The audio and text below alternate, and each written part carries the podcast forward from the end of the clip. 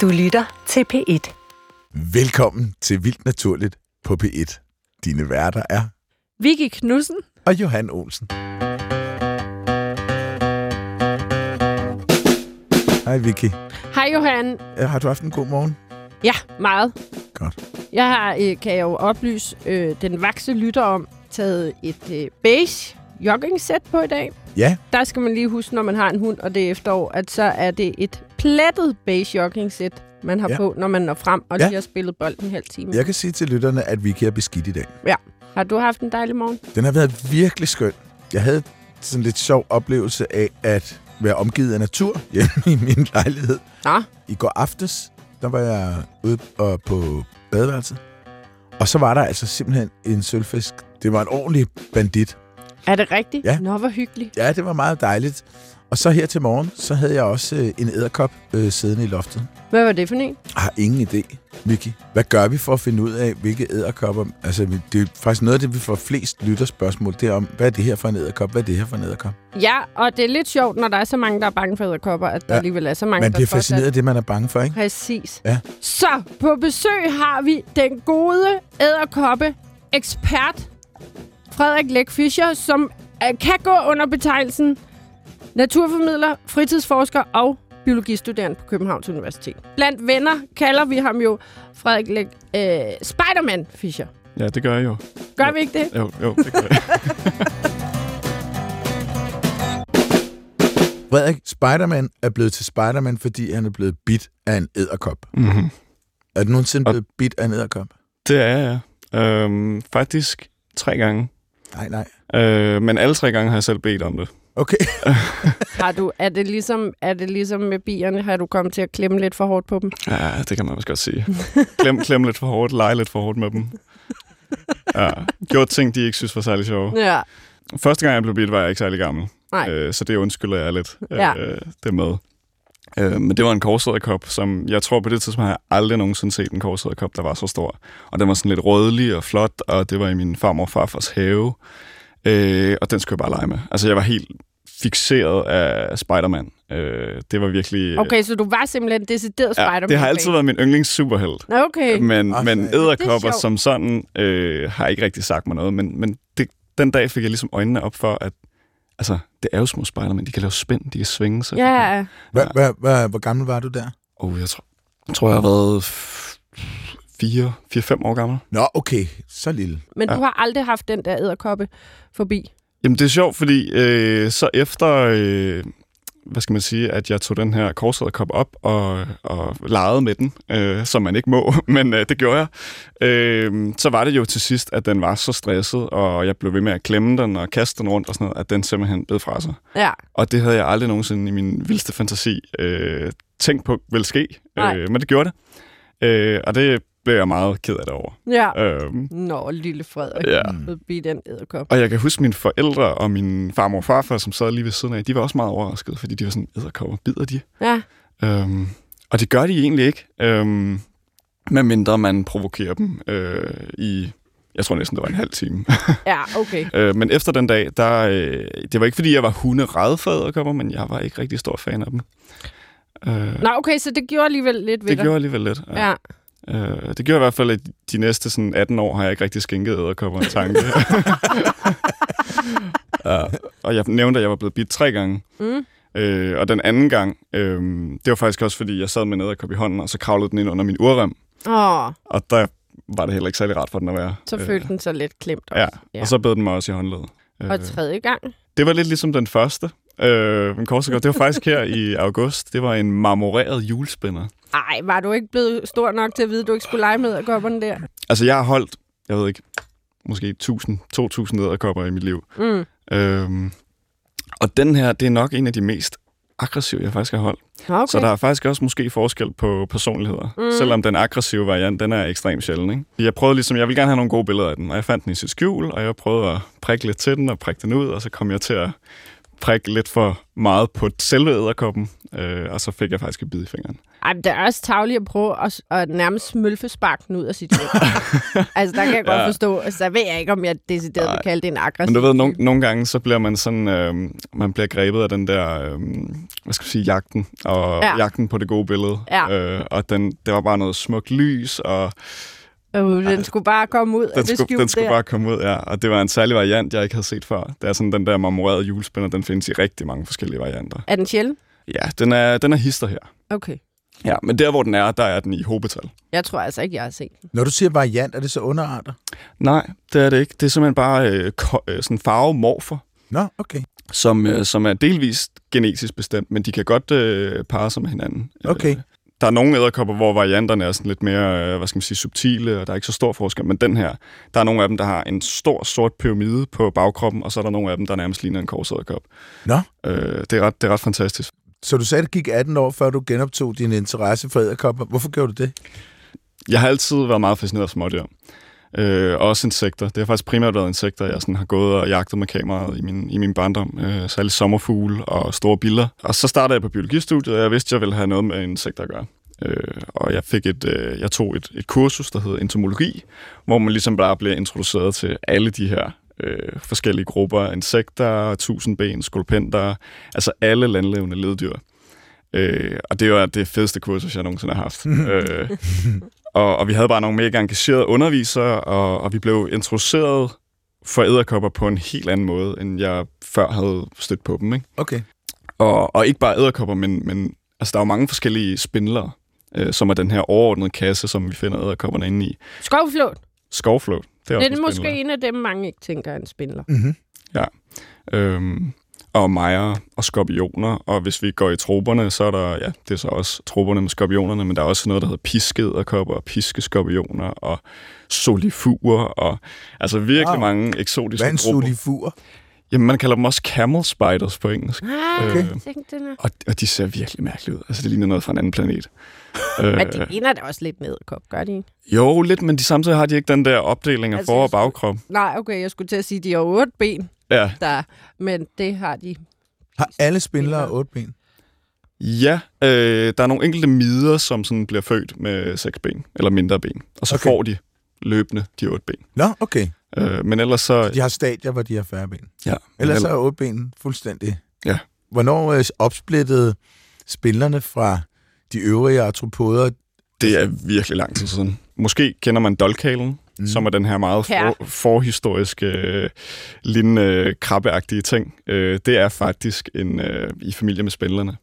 Øh, det er ikke et krabstyr. Den er tættere beslægtet med æderkopper, end den er med, med krabber og, og hummer. Og, Det er sjovt. ja. Og der, Øh, der er og- vi helt tilbage til Cambrium, ikke? Vi er helt tilbage. Altså, jeg mener, det er 480 millioner år siden. øh, og den lever stadig i bedste velgående, ikke? Altså, Jo. og det, det betyder jo så, at splittet er sket før det. Ja. Øhm, så, så vi er virkelig langt tilbage. Jamen, jeg kan også huske, Johan, vi har haft en kort nyt en gang i tidernes morgen. Nu har det her program jo eksisteret i 20 år, men altså med en, øh, et, et, i rav, Mm. en spindler, som lignede en kombination af en æderkop og en, og en øh, skorpion. Altså, den lignede en æderkop, men så havde den den der Ja. giftkrog nærmest hale bagpå. Ja. Så der må jo også netop have været en opsplitning der på et Ja. tidspunkt, hvor de har været lidt en kombi, og så er blevet hver sine. Så de er opstået i havet? Ja, det er de. Og vi kan også, øh, nu nævnte jeg lige dolkhalen, men der var faktisk også det, der hedder havæderkopper, som egentlig ikke har noget med æderkopper at gøre. Men de er endnu længere tilbage. Altså det er virkelig, øh, vi snakker Cambrium 520 millioner år siden. Øh, og de findes stadig, og der er måske 2.000-3.000 beskrevne arter, hvis jeg husker rigtigt. Nej, Og mange- det er mange. Og mange uopdagede arter, fordi det er sådan nogle dybhavsarter. Det var sinds. Hvordan ser de ud? Jamen, det, det er virkelig underligt. Det er sådan, øh, man tager en æderkop, og så reducerer man den til, at det nærmest kun er ben. Ja. Okay. Altså, den, har simpelthen, den, den er så reduceret og tynd og skeletagtig, at dens organer er flyttet ud i benene, nogle af dem. Nå, Den Ej, res- respirerer over benene. Så den har stort set ikke nogen øh, krop? Stort set ikke nogen krop, nej. Og så har den sådan en lille snabel, som den bruger til at udsuge øh, søanemoner med. Wow.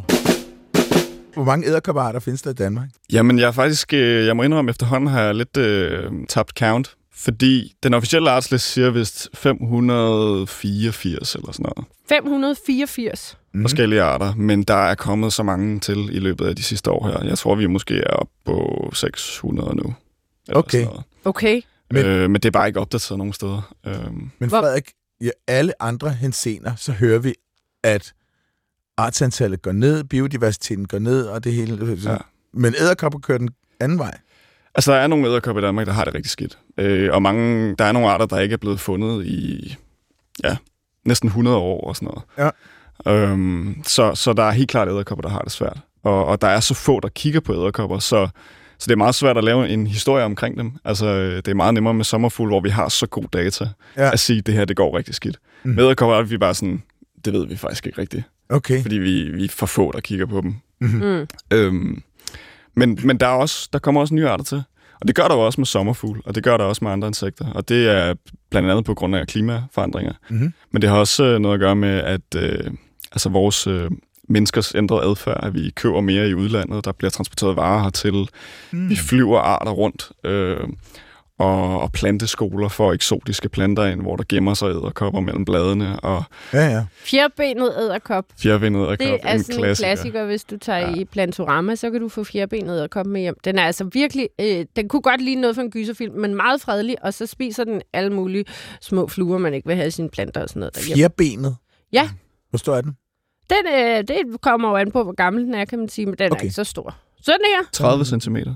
30, 30 en halv meter kan de blive i benspænd. Hvis... Så men det, det, du sad og viste der, det var en centimeters penge. Ja. Men, ja, men jeg tror, det er, fordi den har sådan nogle meget spidse ben, så den ser sådan lidt... Øh, creepy. Jeg vil også, jeg vil også sige, at den var sådan en ja. centimeter. Mm-hmm. Men nu har jeg jo været på tur med dig, og der må jeg bare sige, der var altså nogle æderkopper, der var meget små, Ja, ja. som jeg aldrig havde set før, og nogle, hvor Frederik har fundet ud af, at de faktisk er ret sjældne i resten af Danmark, men sprøjten er almindelig i København, mm. og det tænker jeg måske lidt at takket være, jamen det kommer vi tilbage til, men lidt at takket være, at du er begyndt at nørde så meget. Så en ting er biodiversitetskrise, men noget andet er også måske, at jo, jo flere nørder, der så begynder at kigge og opdager arter, Mhm. der Ja, er ja. set rundt Helt omkring, så, så, så vil det ikke nødvendigvis have noget at gøre med, at de har det godt, men så har de måske også bare været overset det før. Ja. Bestemt. Og det, det tager jeg også altid med, hvis jeg sådan skal fortælle. Hvis der er en, der spørger sådan, "Nå, men hvor sjælden er den her? Så er jeg sådan, den er formentlig sjælden, eller også er den overset. Ja. Ja. Øh, Især ja. Ja. de bitte små. Det er da egentlig underligt, der er så få, der kigger på æderkopper. ja, det er meget mærkeligt. Men, men, og så alligevel ikke, fordi der, har vi, der er jo den her virkelig kollektive frygt for de her dyr her, så Ja, ja, det er ja. måske ikke det mest intuitive at begynde at dykke Nej, ned i. Øh, Jeg kan godt lide at kigge på dem, men jeg synes godt nok, de er svære. Okay, altså, og skældne. Ja, meget. Især de små, og især... Ja, der er jo ret mange, jeg godt kan, og Frederik har også lært mig meget, men nu er mine kuglæderkopper kommet tilbage i lejligheden. Nå, De kommer ja, jo ret hen på efteråret. og så sidder de, I ved, når der er sådan nogle dobbeltruder, så er der sådan en, så, så er der lige sådan en, en kant nede mm-hmm. under den ene rode. Og der laver de hele tiden spind. De laver ikke noget stort julespind, ligesom en korsæderkop. De laver et lille bitte spind, og de sidder helt stille. Og hver gang, og jeg prøver virkelig at undgå at, at, at fjerne den, når jeg går rent, altså jeg går det sted udenom. Men der ligger de der svampemyg, tror jeg de hedder, som går i potteplanter, som jeg ikke ser, men de ligger i hobetal i spindet. Nå, Altså, de der æderkopper må jo kunne noget, vi ikke ved endnu. De må jo kunne udsætte ja, nogle ja, de duftstoffer, helt eller klart at tiltrække dem. tiltrække dem, for de flyver jo ikke bare ind i spindet, ned, ned under et lille bitte karm. Et- Det er jo ikke et sted, en, en, de flyver hen. Den sidder jo ikke i vinduet, så det er fordi, de flyver mod lyset. Eller, eller. Mm. Altså, de, de suger dem jo til sig. Mm. Har vi noget svar på det, Frederik? Øhm, jeg skal ikke kunne sige noget øh, specifikt om lige præcis de kugleæderkopper, du har derhjemme. Men der findes æderkopper, der efterligner øh, hormoner fra insekter.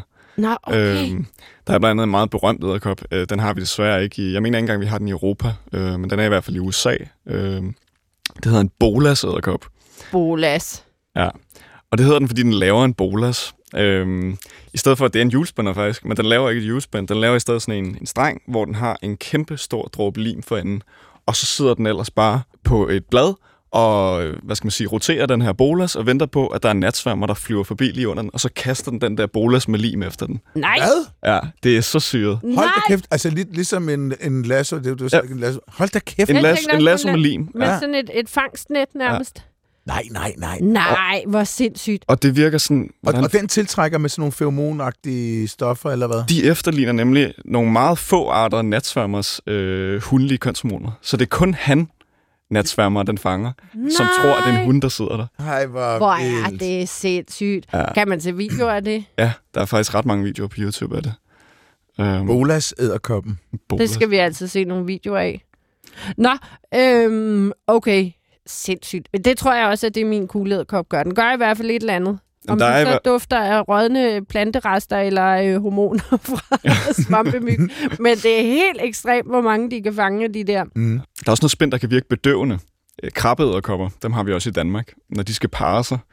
Øh, det, er meget, det er en meget reel øh, trussel for en han, når han skal parre sig. Øh, der er altid en chance for, at han bliver spist Mm. Af hunden. af hunden, ja. Ja, det øh, så, så mange æderkopper, de tager altså deres forholdsregler. Mm. Og øh, hos krabbeæderkoppen, så øh, binder han simpelthen hunden først. Nå, Det er simpelthen bondage. så er det Ja. lidt bondage. Ja, Ja. okay. Det er det. Øh, så han trækker simpelthen nogle tråde over hende. Ja, og så parer han sig med hende. Men det er ikke noget problem for hende at komme ud af det spænd der. Øh, så der er noget, der tyder på, at der faktisk er noget i det her spænd, der får hende til at slappe af. Nå, For det er ikke, fordi hun er, altså, hun er ikke immobiliseret som sådan. ej, det er sådan lidt ligesom, øh, hvad hedder det, rå? Hypnol. Røghypnol. Til, Ja. Der var ikke meget samtykke over det der. Nej, nej, nej, nej. Vi skal jo ikke gøre os til dommer om, hvorvidt der er et samtykke. Det er jo også en konkurrence hele tiden mellem hund og han og Mm. derude. Så har hun ikke, hvis hun tænker, ham der, han skal ikke bagbinde mig. Jo, men så kan det være, at han slet ikke kom, får lov at komme så tæt på til at Og så starte med. spiser hun ham ind. Ja. Ja, okay. Så det kan godt være, at hun lige er sådan, okay, du må gerne binde mig. Ja. Ja. Jeg har hørt sådan nogle rygter om, at hvis man tager, hvis man får et sår. Og man ikke kan gøre noget ved det, så i gamle dage, så var der nogen, som kom æderkopspind på såret. Der går jo ikke svamp i eller bakterier i. Så Nej. Det kan jo godt være, at der er nogle antimikrobielle stoffer i æderkopspind. Det vil give meget god mening. Altså, de, øh, de bruger jo også spænd, når de skal øh, pakke deres sårbare æg ind. Ja. Og de der æg, de ligger jo i flere uger nede under jorden, eller under en våd træstamme og sådan noget, og de, ja. Ja. der må ikke gå muk i dem. Nej. Det er jo et helt andet aspekt af æderkopper. Altså, de er jo spændende nok i adfærd og sådan noget, men der er også virkelig meget biokemi og sådan noget, øh, som, som vi ved meget lidt om. Der er ikke nogen, der har undersøgt, hvad det er, min kugleæderkop kan. Sæt i gang, Vicky. Men inden da, synes jeg lige, I skal høre dagens gættelyd. Juhu! Så nu kommer er der en helt fantastisk lyd, og så kan I sammen med vores kære lyttere lige spekulere lidt over, hvad det er. Så afslører jeg det til sidste program. Er I klar? Det er en virkelig god lyd i dag. Den er faktisk Mm. pivhamrende nem, Oh, hvis man ved, hvad det er.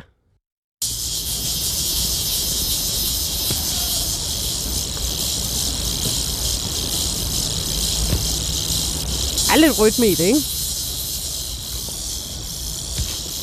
Det lyder fandme underligt. Er Det det- starter hu- hurtigt, og så bliver det... Øh, slapper lidt af. Er det optaget i Danmark? Det siger jeg ikke. Hun, hun giver aldrig noget... Altså, Ej, jeg har før sagt, at jeg selv optaget det her, for eksempel. Men Ja. jeg giver mig ikke i dag. Der er ingen ledetråd. Ingen ledetråd. Hun siger, den er nem. Hvis man ved, hvad det er. Det er jo klart, Vicky.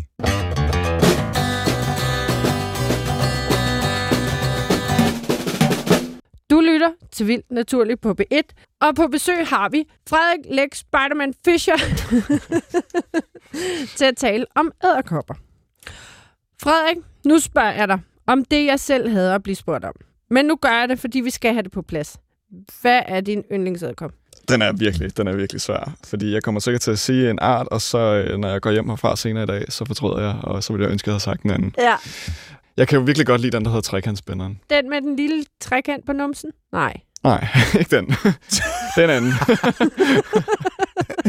Forklar, forklar, hvad det er for en. Det ligner nærmest slet ikke en æderkop. Dens proportioner på benene, de er sådan lidt stumpede og ikke særlig lange. Den har kun seks øjne, hvor de fleste æderkopper har otte øjne, og de sidder virkelig underligt. øhm, og så laver den øh, sådan et trekantet spænd. Den spænder det op. Det er sådan en, hvad siger man, en ligebenet trekant. Mm. Øh, og så tager den ligesom i den spidse ende og, og spænder spændet op. Og så sidder den selv som aftrækker og venter. Og så snart der er et insekt, der nærmer sig det der spænd, mm. Rammer det, så giver den slip. Og så Ah. suser den afsted, og spændet kollapser rundt om byttet. Wow! Åh oh, ja. Ja. Hold da kæft, har du set det? Jo, jeg har set en, der skød sig af, da jeg gik ind i den spænd. Okay. Men den fangede mig ikke sjovt. Nej, nej, du, du, du sidder her i dag. Jeg Okay, sidder hvor her i stor dag. er den? Øh, den er ikke særlig stor. Den er måske 1 cm. Og man finder den i grænplantager. Noget, der også er sjovt ved den her æderkop, det er, at den tilhører en familie, der hedder julekrogstrådsspindere, som er en af de eneste familier i hele verden, der ikke har gift. Nå, Ja. det er en giftfri æderkop. Er Det er en giftfri æderkop. Den må da også være en begynderæderkop. Hvad hed den igen? Øh, trekantspinder. Frederik, du har gang i et større projekt. Det har jeg om de danske husboende æderkopper. Altså, det er et projekt, jeg må tage hatten af for, fordi du har tænkt dig at fotografere både hun og han Mm-hmm. af alle de husboende æderkopper. Ikke bare dem, det er alle danske Alle. Danmarks æderkopper. Her vil jeg lige sige til lytterne, at øh, hvis nogen skulle gøre det, så skal det være Frederik. For kæft, hvor har du, er der nogle fuldstændig fantastiske æderkopbilleder fra din hånd derude. Det er virkelig, virkelig imponerende. Jeg kan anbefale lytterne at, Tak. at gå hen på det der internet og søge på dit navn og finde de der billeder. Det er meget, meget flot. Men øh, husboende æderkopper, Ja. hvordan vil du finde frem til det? Vil du så gå ind og banke på tilfældige menneskers dør? Nej, nej, nej. øh, jeg laver øh, et citizen science-projekt. Øh, Ja. ja. Hvilket vil sige, at jeg prøver ligesom at få almindelige mennesker øh, til at tage billeder af de æderkopper, de har derhjemme, og uploade dem digitalt. Ja. Øh, og de, de ting, de så uploader, dem sidder jeg så og artsbestemmer. Ja. Øhm, og det er ret fedt med de husboende æderkopper, at de er forholdsvis nemme at kende ud fra billeder alene. Der er nogle æderkopper, hvor sådan, det er fuldstændig umuligt at artsbestemme, medmindre man har dem under lup. Okay, Men lige præcis de husboende, de er, det er faktisk en ret pædagogisk gruppe. okay. Øhm, og samtidig er det en gruppe, vi ikke ved særlig meget om. Det var da underligt. Ja, fordi det er netop dem, vi støder på til daglig. Ja. Øhm, men vi ved ikke særlig meget om, øhm, om hvordan, hvad skal man sige, de er udbredt i Danmark. Øhm, og samtidig er det også en fauna, der er i eksplosiv vækst. Vi mennesker, vi rykker rundt på, på æderkopper som aldrig før. Det er ikke kun æderkopper, det er jo alle mulige arter. Mhm. Øhm, og der er nogle af de arter, der kommer fra varmere egne, som ikke kan overleve udenfor i Danmark, men som så finder sig et hjem indenfor. Okay. Og simpelthen står sig ned og bliver obligat husboende i Ej, Danmark. hvor sjovt. Ja, men der er mange, der sikkert har, kender øhm, musæderkopperne, man har derhjemme. Det er faktisk en sydeuropæisk art. Hvad er en museæderkop? Hvordan ser den ud? Jamen, det er sådan en lille, øh, lille brun, øh, lidt kompakt i det, og så har den sådan en øh, sølvgrå pels på bagkroppen. Man kan godt måske lige finde den ude på fliserne på terrassen eller i haveskuddet en gang imellem, men det er primært en indendørs æderkop. Du finder den ikke ude i, i hvad skal man sige, et naturligt habitat. Og, og det samme med mejeræderkoppen. Alle kender mejeræderkoppen. Mm-hmm. Den har vi alle sammen i lofthjørnerne derhjemme. Det er den der stankelbensagtige øh, æderkop. Øhm, og den, den finder man heller ikke rigtig udenfor. Jo, i haveskuret, i carporten måske. Mm-hmm. Måske på en enkelt murstensvæg et eller andet sted.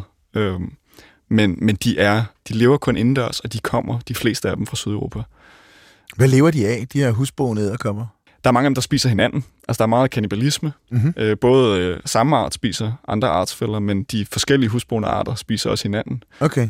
Øh, så spiser de også sølvfisk og skægkræ, øh, støvlus, øh, den enkelte bænkebider, der vil forvilde sig indenfor. Og stankelben. Jeg har i hvert fald set mejeræderkoppen slås utrolig meget med de der store stankelben en gang imellem. Kan, Hvor kan, hele spændet står og vibrerer, og Ja, ja. Det der, og, men de giver ikke op, og det lykkes dem tit. Ja, og der skal man lige huske, at stankelben, det er jo en stor, stor myggeagtig flue, der kan Ja. flyve. Og mejeræderkoppen er altså dem, vi har i lofthjørnet derhjemme. For der er mange, der kalder mejeræderkopper for stankelben. mm. Øh, og det er det ikke. Og Maja ryger også ind i ligningen, Ja, ja, som jo også Ja. er spænder, men uden lige publik præcis. krop, ikke?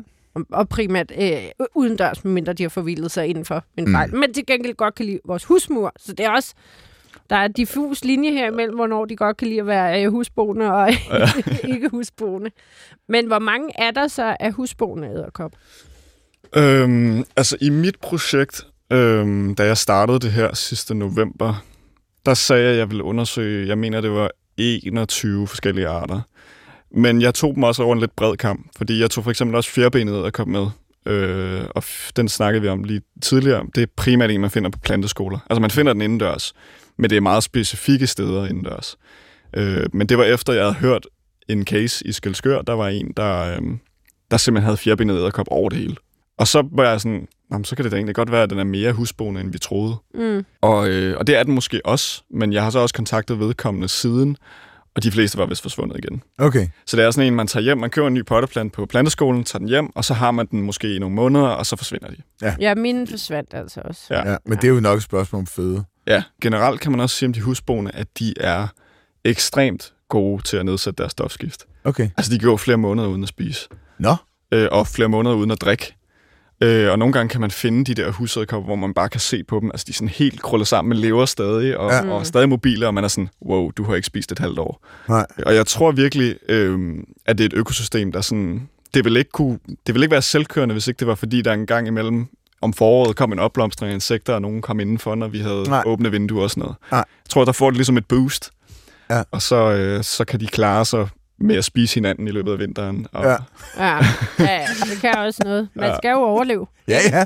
Ja, Men hvor gamle kan de egentlig blive? Fordi jeg synes, nogle af de der mejer æderkopper over hos min mor, der er nogle af hunderne, der er, vir- altså, der er et par gange, hvor man sådan endelig har fået fjernet et skab et eller andet sted, man ikke Mm. mm. kunne gøre rent. Altså, der er nogle af dem, der er virkelig, virkelig store i forhold til Mm. mm. altså, med en kæmpe krop. Er det, fordi de er gamle, eller er det bare fordi det er gravide hunder? Eller? Øh, det er jo en blanding. Hvis de er store, så er de nok fuldvoksne. Ja. Men der findes også, altså æderkopper er meget øh, dynamiske i forhold til deres størrelse. Der findes små hunder, der findes store hunder, mm. Der findes kæmpe hanner, og der findes minihanner. Ja, okay. Også inden for samme art. Ja. Øh, det har noget at gøre med deres vækst og deres genetik og sådan noget. Øh, men, men generelt, der er flere af de her husæderkopper, som jeg har hørt, kan blive ret gamle. Mm. Øh, Mm. vi, for eksempel stor husæderkop, øh, der er der nogen, der siger, at den kan blive op til 6 år gammel.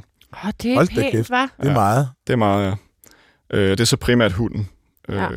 Fordi hannerne dør kort tid efter, de har været på vandring efter en hund. Så man kan godt finde en 6 år gammel stor husæderkop, som ikke er lige så stor som en på to år. Fordi jeg troede lidt, de blev større og større, jo ældre de blev. Det stopper i sidste hudskift. Okay. Altså tit, når man ser sådan en spindelvæv, så hænger der noget, der ligner en død æderkop. Så er det, fordi de har skiftet hud. Ja. Eller deres, deres lidt bløde exoskelet, de ligesom har smidt. Men skal de ikke skifte det hvert år? Det skal det ikke. De skifter det i gennemsnit, vil jeg sige, syv gange i løbet af deres liv. Det, og det er sådan en bred kamp. Syv gange. Det er sådan, Uanset hvor lang tid vi lever. Eller Øhm, lever. Ja, der er så også der er nogle enkelte, jeg mener, øh, der er nogle enkelte fuglederkopper og sådan noget, der kan, der kan gøre det rigtig mange gange. Altså, Nå, okay. Der går så længere og længere tid imellem hudskift, Ja. så til sidst så er man sådan, okay, nu skifter den ikke mere. De ordinære æderkopper, dem der laver spind, dem der ikke er fuglederkopper og sådan noget, det er gennemsnitligt syv gange, de skifter ham. Okay. Nå, hvad sjovt.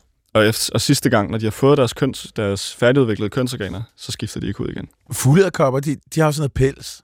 Ja. Det ser man jo hos nogle æderkopper. Hvad er det for noget? Altså, det er jo ikke hår, ligesom hos pattedyr. Det er heller ikke fjer, ligesom hos fugle. Mm-mm. Ved du, hvad det er? Generelt æderkopper, de er dækket af sådan nogle sansehår. Altså det er sådan, de har rustning på. Så øh, altså det vil svare til, at vi mennesker, vi havde pladerustning på. Vores øh, sa- sanseindtryk af omverdenen ville være meget begrænset, Mhm. mm-hmm. hvis ikke det var, fordi vi havde en masse følere, der ligesom stak ud igennem alle revnerne i den rustning her. Mm-hmm. Øh, og det er det, de her hår er øh, for mange øh, æderkoppers vedkommende. Øh, så er der også nogle hår, der bare er sådan støvafvisende. Øh, så bliver de ikke beskidte, der samler, samler, samler sig ikke snavs og mikroorganismer og sådan noget. Øh, og så er der lige præcis fuglederkopperne, hvor nogle af dem har i stand, er i stand til at smide de her hår, øh, som er lokalt irriterende. Øh, at du kan simpelthen få udslet af de her hår, som det er som en forsvar. Okay. Øh, og, og hvis man får dem i øjnene og sådan noget, så kan det, så kan det være rigtig, rigtig ubehageligt. okay, Ja, og, eller inhalere dem. okay. Det er vel lidt ligesom at køre en brændel over hånden. Og det er nok sådan en, en tilpasning til, når man er så stor, så er man også meget, øh, hvad skal man sige, så er man en lækkerbisken for mange dyr. Ja.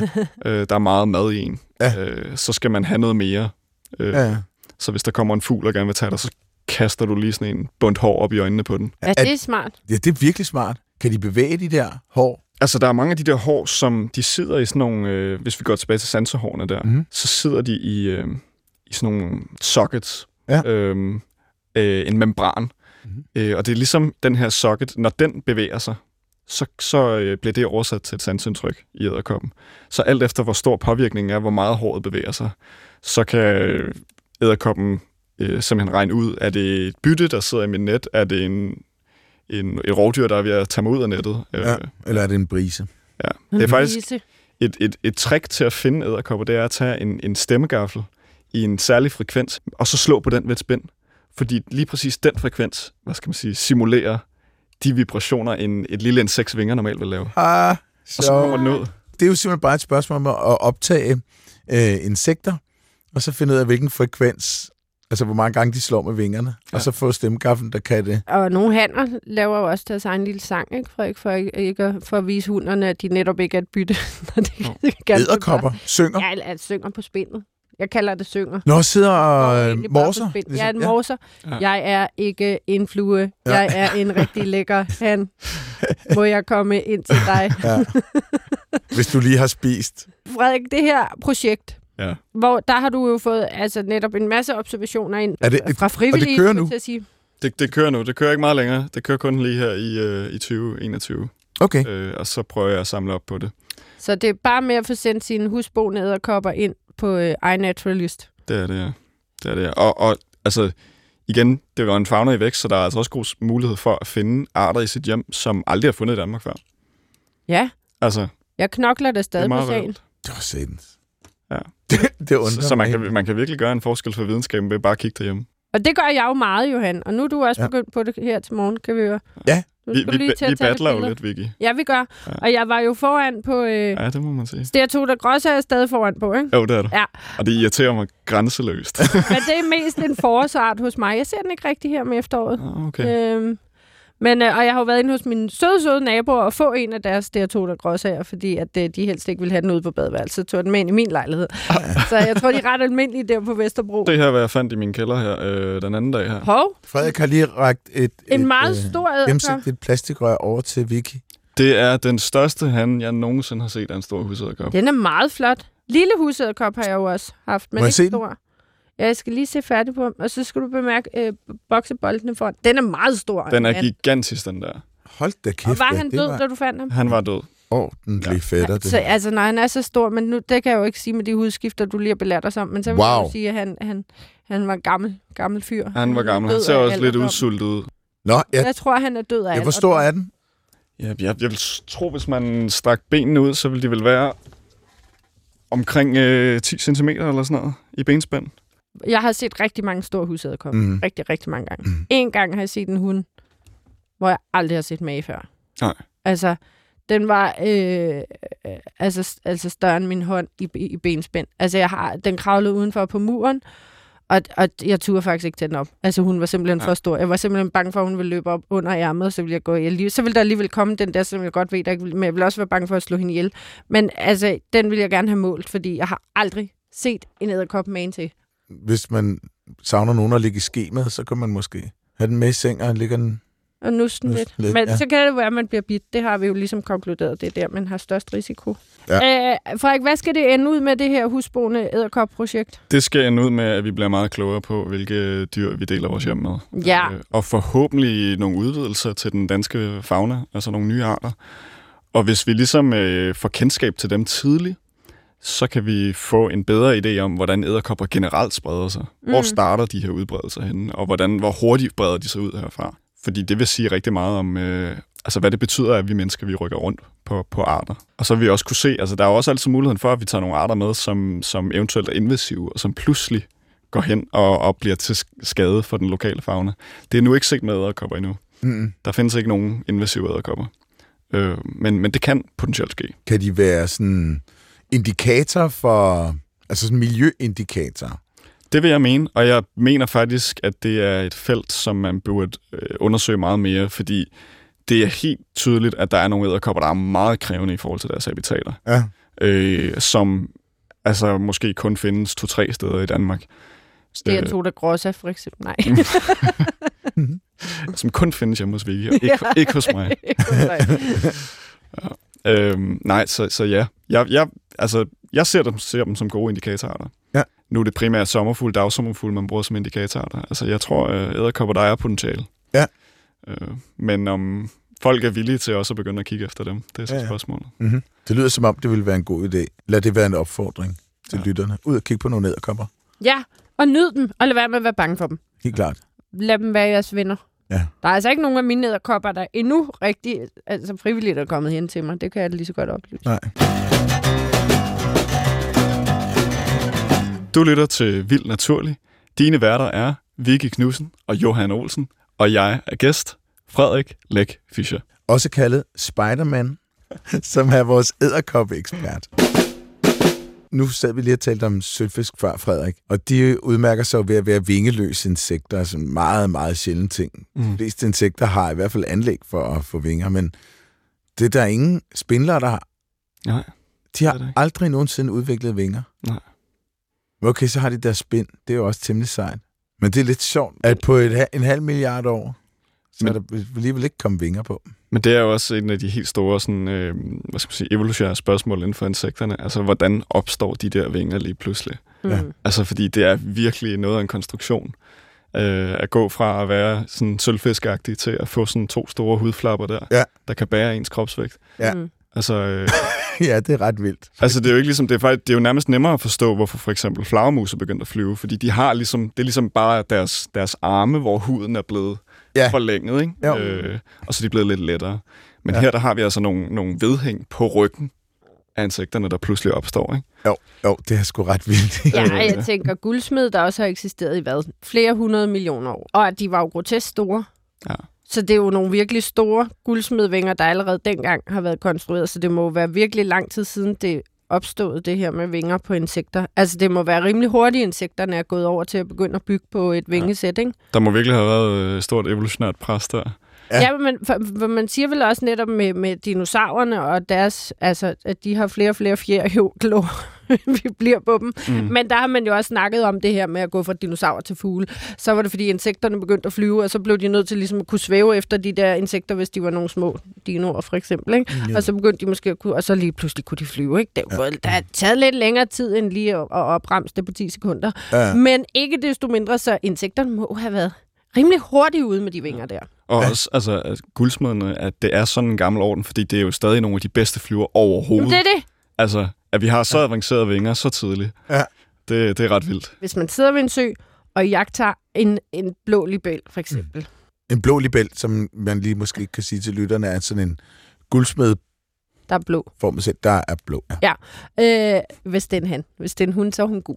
Hvis Nå, det er en okay. ung han, så er han også gul. Men altså, de, de, de voksne han er meget territoriale, så de sidder på et søbred eller et strå eller et eller andet. Men at se dem, hvor hurtigt de kan lette og flyve op. Ja. Men altså, det gælder alle guldsmed. Den måde, de kan flyve igennem, og så skifte retning. Ja. Skift retning, skift retning. Ja. Nakke det insekt, sæt dig ned igen. Ja. Spis det, bare sidde med øjnene. Ja, Fuf, fuf, De er jo fuf. grufulde rovdyr. Det er flyveninja. Jeg har faktisk en, en, jeg havde en virkelig vild oplevelse her for, hvad er det, en måneds tid, sådan to måneder siden, i Bøllemosen, hvor, øh, fordi det kan godt være, at æderkopper ikke har udviklet vinger, men de kan stadigvæk svæve jo. Altså, der findes jo det, der hedder flyvende sommer, Ja.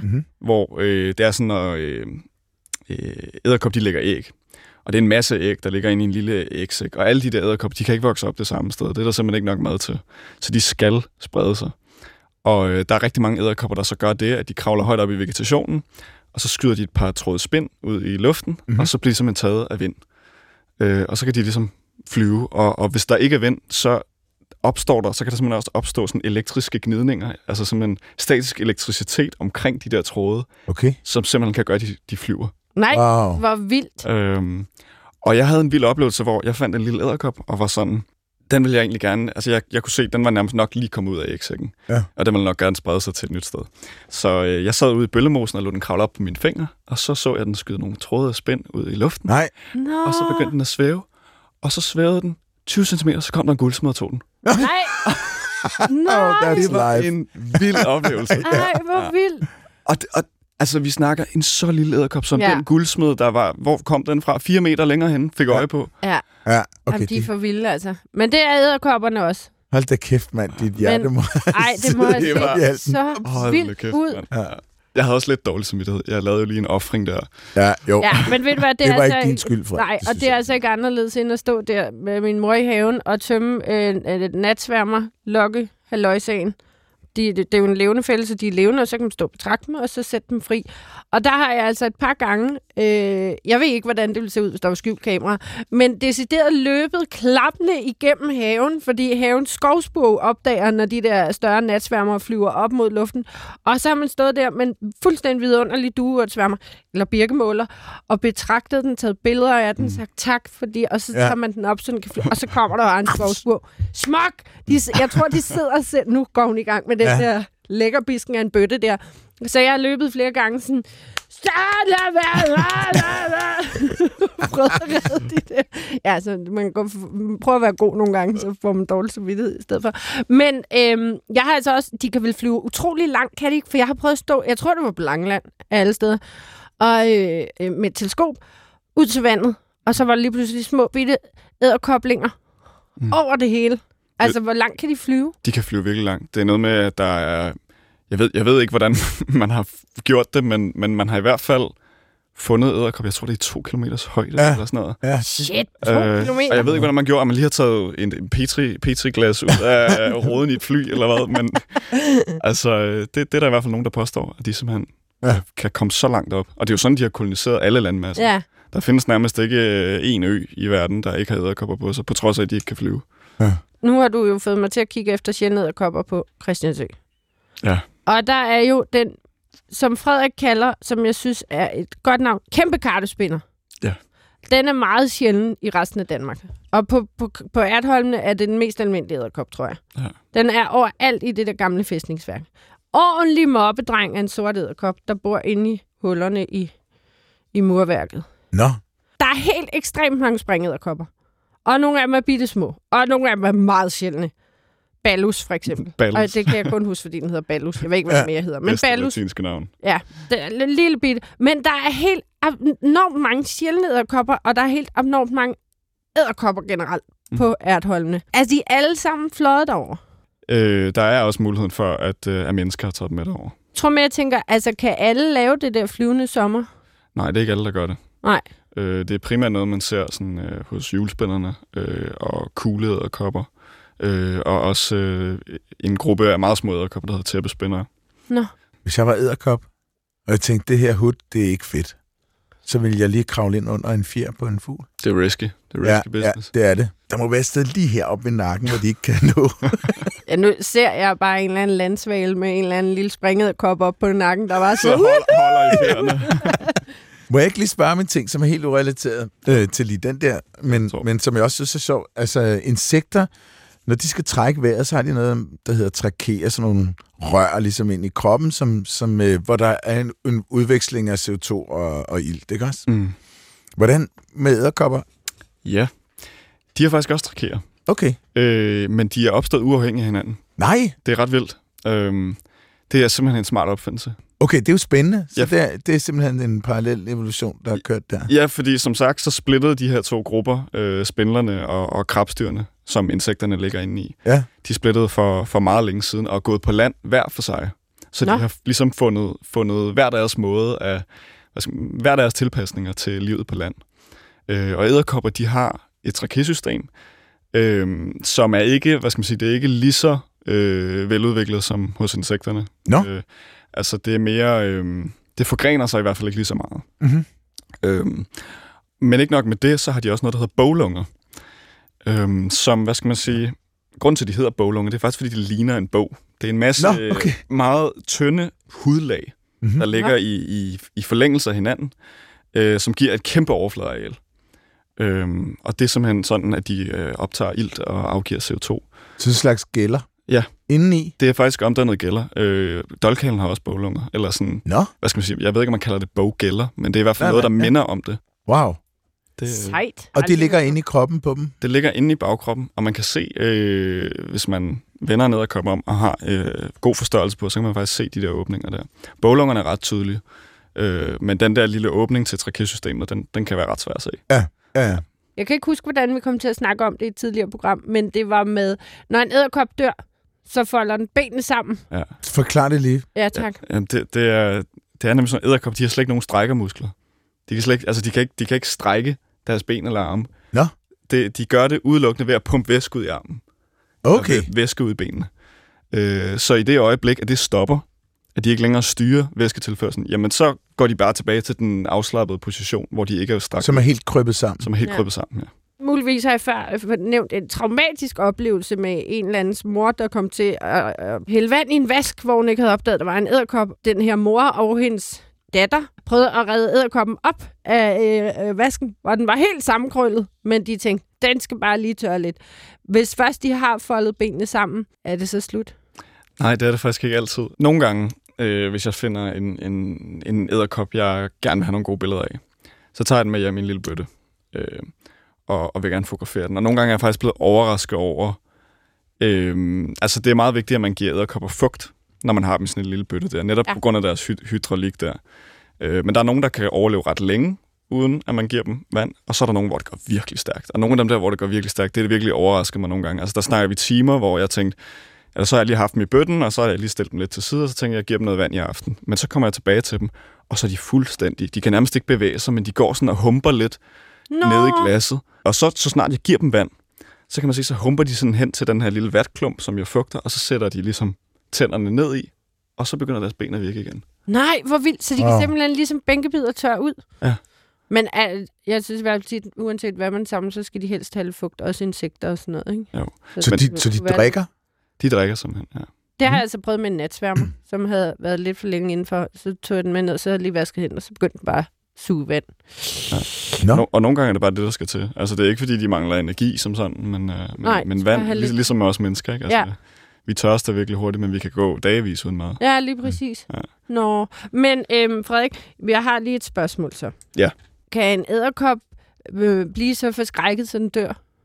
Det er fordi, jeg sad på Ertholmene, apropos på Christiansø, så sad jeg og kiggede efter sjældne fugle her i sommer. Mm. Så på klippen ved siden af mig var der en lille bitte sort springæderkop. Mm. Og øh, den sad på mit kamera. Og jeg synes, den var virkelig nuttet. Og så skulle jeg prøve at have den ud af kameraet, så den ikke blev mast. Mhm. Så øhm, på en eller anden måde, vi snakker en, der er under 5 mm, på Mhm. en eller anden måde ryger æderkoppen ned i, I ved, der er sådan en, man kan skyde ud og ind på sådan sådan, sådan solblænde ting. Sådan. Mhm. Ned i kameraet, så tænker jeg, okay, så klapper jeg den lige sammen, så kan den jo hoppe ud. Ja. Og på en eller anden måde, ej, det gør lidt ondt, altså jeg havde det faktisk det sted dårligt bagefter, så får jeg klappet den der solblænd. Jeg tror ikke, den kan ramme æderkoppen, Ja. men den har åbenbart en lille kant. Så, så da jeg skyder den ned, Ja. så ligger der bare en overhovedet ikke mast æderkop. Mhm. Men simpelthen, den har trukket alle otte ben ind. Den ligger helt stille. Den er overhovedet ikke blevet splattet eller noget. så Den er fuldstændig hel, og den er meget Ja. lille. Så der skal ikke så meget til at splatte den Død ved chok. død ved chok. Men jeg tænker bare, burde den ikke være blevet helt fladmast, hvis den skulle dø? Jeg har været ude for samme traume. Har du det? Ja, jeg føler din smerte. Åh, oh, gud. det, er, nej, men det er også tavligt, man kender i det, hvor det er rart at dele det med nogen. Ja, ja, helt klart. Ellers så ikke er ligger det bare derinde og vokser. så prøvede, ja, præcis. Ja. Ja. Æder, æderkoppeterapi her. Ja. Ja. Øhm, jeg har prøvet, hvor jeg er kommet til ved en fejl, at mase lidt for hårdt på en æderkop. Og der har ikke været nogen synlig skade på den, men jeg kunne godt mærke, at det var, det var lidt for hårdt. Og så har den bare ligget og været færdig. Ja. Måske lige gispet lidt efter vejret i et par minutter, men så... Ja. Jeg, lagde den, det gør ondt. jeg, det gør jeg lagde den meget er aldrig med vilje. solen og holdt øje med den længe, Ja. ja. og der skete ikke noget. Og man bare- kan, man kan også komme til sådan... De, de har den her meget fine talje mellem for- og bagkrop. Man kan komme til at vride den rundt, og så kan man nærmest ikke se, at der er skade på den, men det, det ødelægger Okay. den. Er alle æderkopper rovdyr? Ja, men der er for nylig beskrevet en art i Mexico. Øhm, der er sådan i Mexico, der har de nogle akacietræer, Mhm. øh, som laver sådan nogle små øh, sukkerholdige knupper, Mhm. som de bruger til at lokke myrer til. Og så bruger de myrerne som naturlige øh, skadedyrsbekæmpere. Smart. Så Ej. de, fo- de fodrer ligesom, akacietræerne fodrer myrerne Mhm. med de her knupper her. Og det der nederkop, der er også fundet ud af. Så den spiser også de her knupper her. Nej, hvor smart. Ja. Øh, og det seneste, jeg har læst, der var nogen, lige da det blev opdaget, der var det sådan, nu har vi fundet verdens første vegetar Eller det må så være veganer Øhm, og øh, nu er der så nogen, der siger, at den får 90% af sin næring fra de her akaceknupper, og 10% fra en myre, den tager i nyerne af. Ah, okay. Ja. Jeg synes her, øh, inden for det sidste år, har jeg set en del eksempler på forskellige planteæder, også altså pattedyr, som er helt altså obligat plante Ja, spiser, ja, ja, ja. hvor folk de har taget en eller anden video af, der, der er en hjort, der spiser en fugl, og der er en ja, ko, der har gang i det, jeg kan ikke huske, hvad det er, den spiser. Så, så det sker jo bare af og til. det gør Og det. måske er det bare for simpelthen, at så mangler de et eller andet. Ja, det er et lille boost. Ja, Ja. Vitaminpille. En Ja. lille vitaminpille. Sådan en Ja. ja. lille harkilling der, hvis man Ja. er hjort. man fandt jo også den her haj, som man fandt ud af, at den spiste, altså stort set levede den af tang. Og så spiste den så noget kød en gang imellem. Nå. Ja. Ja, men det er jo sikkert det, er jo det der evolution, der kan noget igen. Så er det bare Ja. smartere at spise tang eller Ja. ja, akacietræ. Hvis det er det her, der er, så er det det, vi lever af. Men Frederik, et spørgsmål til de her omkring 600 danske æderkopper. Det er jo ikke dem alle sammen, der har fået navne. Og jeg er jo personligt meget utilfreds med, at Steatota Grossa stadig ikke har et dansk navn. Fordi ja. hver gang jeg skal fortælle om den her i programmet, så bliver det noget råd med det. Det er jo et af de få latinske navne, jeg kan, fordi jeg er blevet tvunget til at kunne huske det, fordi den ikke har noget dansk navn. Ja. Men dem, der har danske navne, jeg synes, de giver god mening i forhold til så mange andre Mhm. grupper af dyr, Altså, nogle natsværmer giver ingen mening. Nogle fugle, jo, nogle gange giver det mening, andre gange grænsanger. Du ser nærmest aldrig en grænsanger i et græntræ. Men for eksempel den der æderkop, der druknede min mors håndvask, eller i, no, i en eller anden... Wow. Uh, Wow. det var en snubletrådsæderkop, men øh, snubletrådsæderkop, synes jeg, er et helt fantastisk Ja. navn. Kan du ikke lige forklare, hvorfor den hedder det? Det hedder den, fordi øh, det er en, en æderkop, der sidder i et hul. Øhm, og ud fra det her hul, der laver den sit spind. Og den spind er sådan nogle snubletråde, der går ud i en cirkel fra det her hul. Øh, og så fornemmer den, så sidder den inde i hullet og er fuldstændig ude af syne. Men så, kan den simpelthen, så har den øh, forbenene på spændet, og så kan den mærke, når der er nogle insekter, der snubler over de her tråde her. Og så suser den frem og hiver dem ned i dybet. Det er altså sejt. Wow. Og, og, og altså, når man... Altså, navnet i sig selv, der er man sådan, "Nå, det er da et lidt mærkeligt navn, men når man ser spindet, så giver det så god mening. Ja. Altså, det gør det virkelig. Spindet er så sejt. Ja, men det er også bare fedt, ikke? At lave snubletråde til sine ofre. Ja, ja, ja, det er fantastisk. Whoopsie. Ja, nu Altså- altså, snakker jeg dig. Ja, ja, men jeg, nu, jeg kommer til at tænke på den der bolas. øh, Altså, der, det, det er et ret bredt spænd af muligheder for sådan et spænd. Ja, det er det virkelig. Der er nogle helt, helt syrede tilpasninger. Det sjove ved den der snubletrådsæderkop, det er faktisk, at de mest primitive æderkopper, vi overhovedet kender, øhm, de lever stadig på den måde der. Så den er gået tilbage til det Okay, øh, senere. Nå, okay. Ja. Vildt. Vi har sådan en gruppe af, af æderkopper, der findes i, i Japan og Sydøstasien, der hedder mesotele. Øh, og, eller segmenterede æderkopper, fordi de er stadig, man kan stadig se, at deres bagkrop er segmenteret. Ah, okay, altså det er også et meget oprindeligt træk. Ja, det er det nemlig. Og de lever alle sammen i sådan nogle huller, hvor der går øh, snubletråde ud fra. Okay, Øh, og den gruppe er... Jeg kan ikke huske, om det er... Man har fossiler, der nærmest er 320 millioner år gamle fra samme familie. okay. Altså, det er virkelig levende Nå. fossiler. De er bare stoppet der. Ja. Det virker det her, vi kører. Og der er omkring 100 arter af dem. Og det er sådan nogle mellemstore nogle. De ligner fuglederkopper, bortset fra, at de har de, den her segmenterede øh, bagkrop.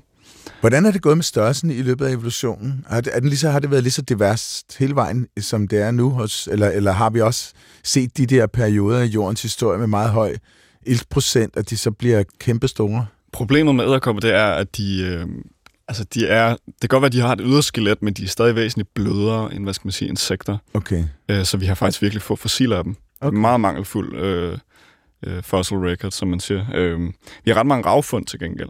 Ja. Men de træ- strækker sig kun tilbage måske 130 millioner år. Og er jo selvfølgelig vægtet mod æderkopper, der lever i træer. Ja, og det er måske ikke de største. Nej. Øh, jeg mener på et tidspunkt, man fandt en, hvor man var sådan, wow, det her det er en kæmpe æderkop, men så fandt man ud af, at det måske slet ikke var en æderkop alligevel. ja, okay. ja. Der sidder nogle- sikkert nogle lytter derude, som er bange for æderkopper. Er der nogle æderkopper, vi skal bekymre os om i Danmark? Nej, det er der ikke. Det er der ikke. Jo, altså der findes, der er nogle af de der kugleæderkopper, som hvis, hvis de får lov at bide, nu snakkede vi om, hvor, hvor sjældent æderkopper bider ja. Til starten af programmet her, men, men hvis de får lov at bide, så føles det lidt ligesom et stik fra en gedehams. Okay, altså sådan en vips. Ja. Okay. Øhm, og, øhm, og det kan jo ske, ja. Man kommer til at klemme dem. Øh, og som med alle ting, der kan man også være øh, overfølsom Mm. på en allergisk reaktion. Ja. Mm. Øhm, og der er eksempler på, øh, hvad skal man sige, sekundære infektioner i et bid. Ja. Så det kan man ikke tilskrive æderkoppen, men det, er ligesom, det kunne være hvilket som helst sår, ja. Hvor der så øh, går betændelse i. Ikke? Ja, ja, helt klart. Øh, og så er folk sådan, åh, jeg er blevet bidt af en æderkop, og prøv at se, jeg har kæmpe udslæt på armen og sådan noget. Ja. Nej, nej, det er bakterierne, der er kommet ned i såret bagefter. Ja. Øh, ja, så nej, der er ikke noget at være bange for i Danmark som Nej. udgangspunkt. Frederik, det har været en kæmpe fornøjelse at høre om alle æderbobberne.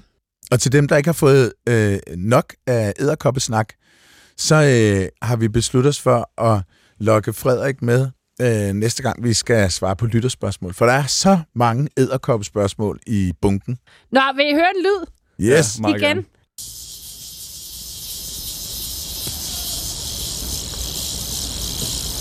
Oh, det irriterer mig, for det kan være to ting. Nej, nej, der er en, der er Okay, to der. ting. Wow. Jo, jo, han er på flere muligheder. Ja, det synes jeg da bestemt. Det synes jeg da bestemt. Okay, Øhm, lad os, okay, prøv at Johan, gæt først. Ja, fordi jeg to nørder, der kan jeg jo ikke, og dig, Frederik, jeg stoler ikke på, at du ikke kan den her lyd. Det her, det er tydeligvis en eller anden form for en cikade. Det kan jeg høre med mit biologiøre. du ser ikke imponeret ud. Ej, jeg sidder og smiler. Nå ja, Jeg sagde, det kunne være to ting. Mm. Og jeg tror også, min første indskydelse er til kade, men jeg kan ikke helt udelukke en løvgræshop af en eller anden slags. Nej. I er ude i to slags insekter. Ja, ja. yes. Bevares. Det er forkert. Ej, Det er en fugl. Det er en æderkop.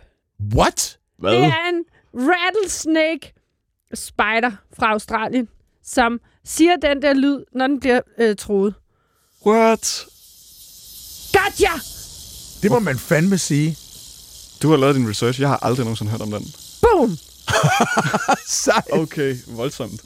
Og det ser ret fedt ud, for man kan se, den gør det med sine øh, fangs, skulle jeg til at sige. Hvad hedder de? Øh, Kelisær. Det er den gør det med sin kilisæer. Wow, det, det er ret vildt, fordi altså, der er nogle æderkopper, der laver lyd, men som regel kan vi ikke høre det.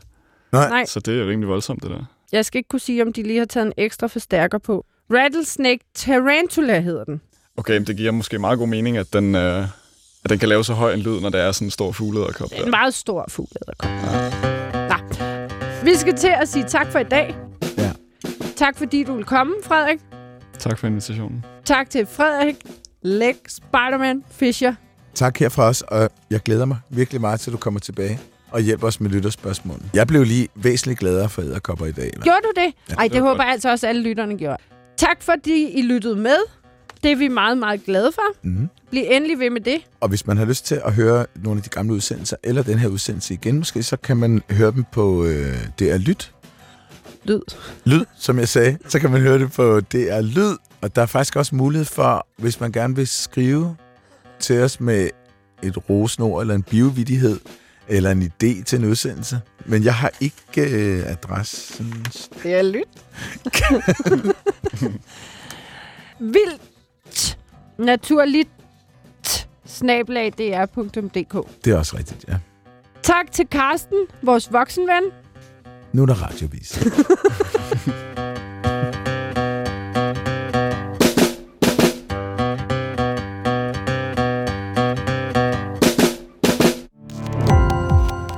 Gå på opdagelse i alle DR's podcast og radioprogrammer. I appen DR Lyd.